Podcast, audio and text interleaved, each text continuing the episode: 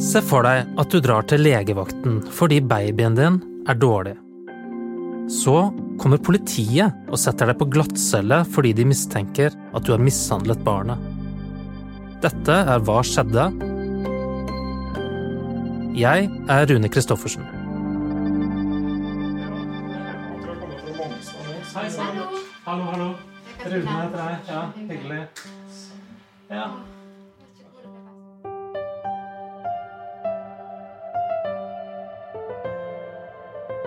Katrine Nordnes og Thomas Rusten bor i en enebolig i Åsane. De har tvillinger som er syv år gamle, en gutt og en jente. Og så har Katrine to voksne barn fra før. Hun jobber på Ikea, rett på andre siden av veien, og Thomas er budbilsjåfør. De virker som en helt vanlig familie, men de har en veldig spesiell historie. Den begynte i mars 2014, da tvillingene var ti uker gamle. Hadde akkurat hatt morgenstellet. Jeg sitter da med sønnen min på fanget. Han eh, får et anfall som jeg reagerer på. Litt kontaktløs. Jeg prøvde å vogge på en knipse for å se, åpne øyelokka. Det var liksom ikke noe kontakt. Jeg tar opp telefonen og filmer. Så kommer da Katrine inn igjen i stua etterpå, og jeg viser videoen til henne. Vi eh, ringer da til fastlege. Fastlegen var jo ikke til stede, så vi fikk snakke med helsesekretæren. Får da beskjed om å avvente. Filmen viser at gutten hiver etter luft og får kramper.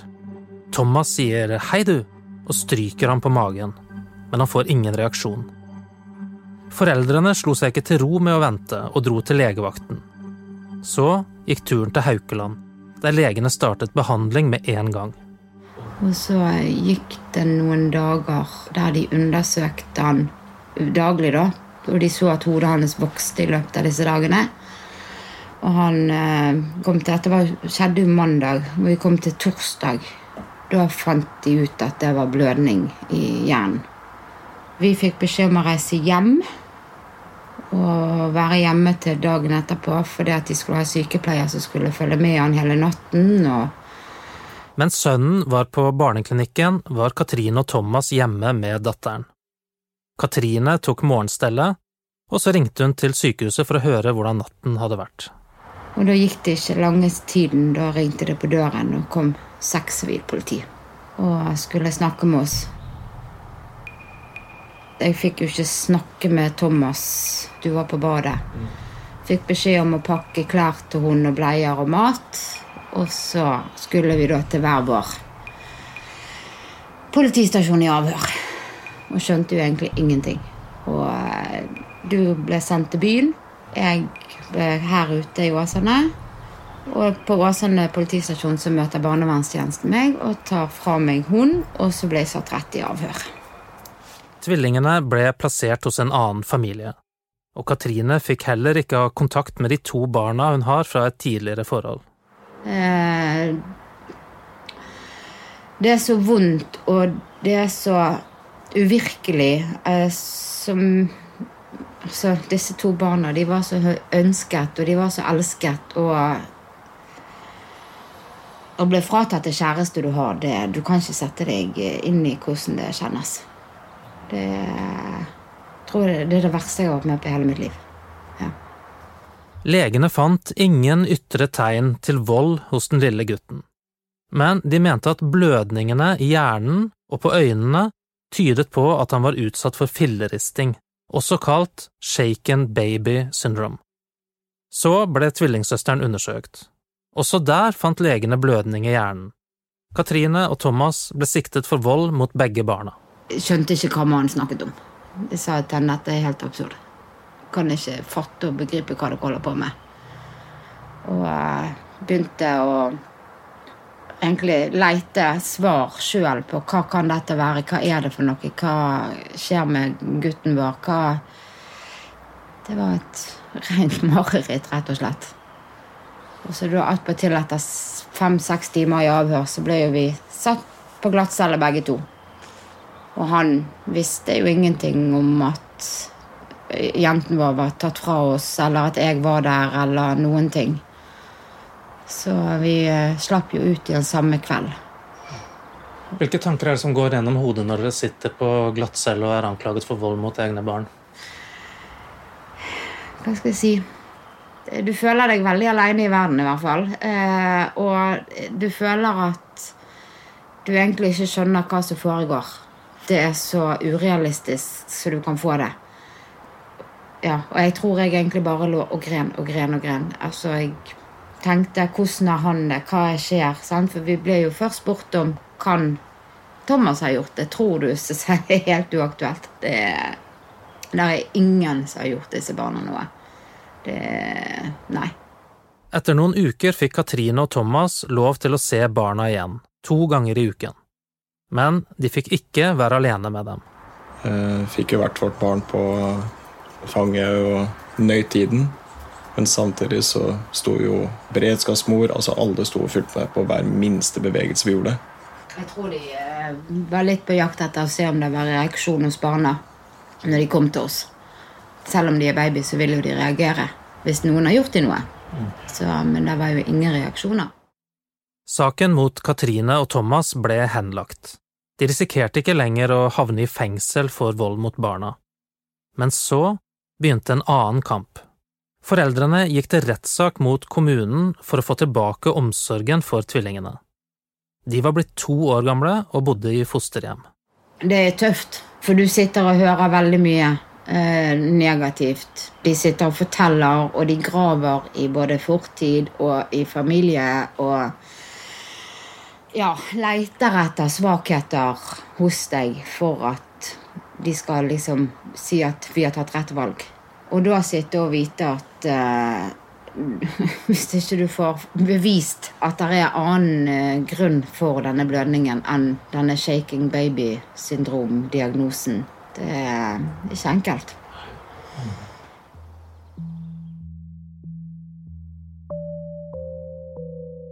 Her tror jeg vi trenger en liten forklaring på hva filleristing er. For små barn så kan det være veldig skadelig å bli ristet hardt fram og tilbake, f.eks. For av foreldre som blir frustrert over at babyen ikke slutter å grine. Når et barn blir undersøkt, er det tre ting som har blitt tolket som tegn på at barnet kan ha blitt ristet. Blødning rundt hjernen, blødning i øyet og hevelse i hjernen. Men en 80 år gammel professor ved Universitetet i Bergen har utfordret fagmiljøet. Han mener diagnosen sitter altfor løst. Knut Wester er nevrokirurg, og han mener blødningene kan ha helt andre forklaringer. Røntgenbildene til flere av barna viste at de var født med vannhode, ifølge Wester. Det betyr at det samler seg vann i hodet som presser på hjernen. Professoren fryktet at flere foreldre kunne være uskyldig dømt. Han begynte å grave i gamle dommer og journaler. Nå bruker han pensjonisttilværelsen til å granske det han frykter er grove justismord. Katrine og Thomas vant omsorgssaken, men så fikk de en ny nedtur. Kommunen anket dommen. Det var et slag i trynet. Det var det. Nå skal vi endelig få barna hjem, og så Nei, der blir alt satt på is igjen. Så vi var kommet så langt i tilbakeføringen til at de skulle få begynne å overnatte hjemme. Helt en dag de bare ikke kom og leverte de til oss. Tvillingforeldrene måtte gjennom en ny rettssak. Og nå sto Knut Wester klar til å vitne. Han mente saken var én av mange som ble tolket feil. I rettssalen vitnet tolv medisinske eksperter. Noen kom helt fra Sverige, og én helt fra New Zealand. Fagfolkene delte seg i to leirer, og frontene var harde. Legene på Haukeland forklarte hvordan de hadde undersøkt gutten i flere dager før de slo alarm. Når de fant denne blødningen i hodet og øyenbunnsblødningen, så konkluderte de med at dette var påført, og ville ikke høre på noe som helst annet for jeg spurte jo og gravde jo Jeg har vært igjennom en slankeoperasjon. Jeg har masse mangler i kroppen. Det var en tøff, altså kjapp fødsel, dobbel CT-fødsel. Så jeg var litt sånn sånn Kan dette ha noe nei, nei. nei, nei. Sammen med andre fagfolk har Wester gått gjennom 17 saker der foreldre er dømt for filleristing.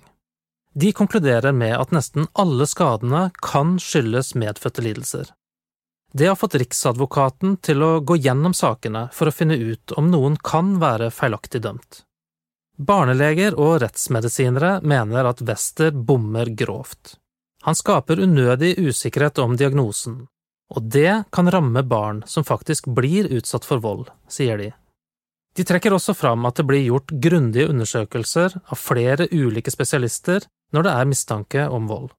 Katrine og Thomas er glade for diskusjonen. Jeg, jeg, forstår jo at ikke de vil gjerne innrømme eller si at jo, det her kan vi ha gjort feil, eh, men jeg sier det er menneskelig å feile.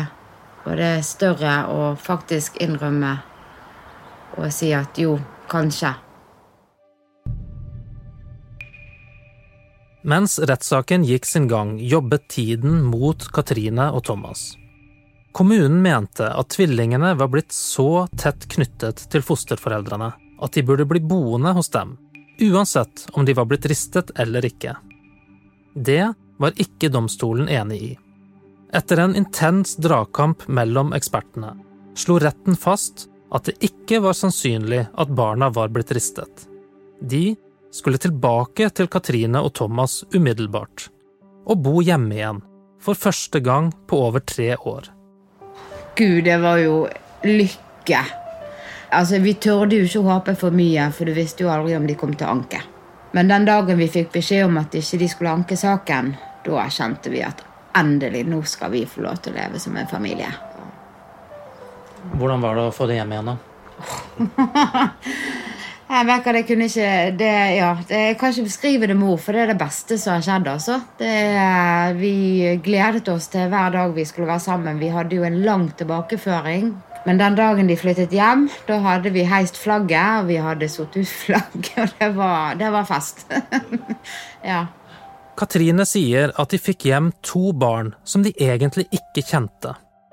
Barna savnet fosterforeldrene, og Katrine og Thomas måtte bli kjent med dem på nytt. I dag har de det bra, forteller de.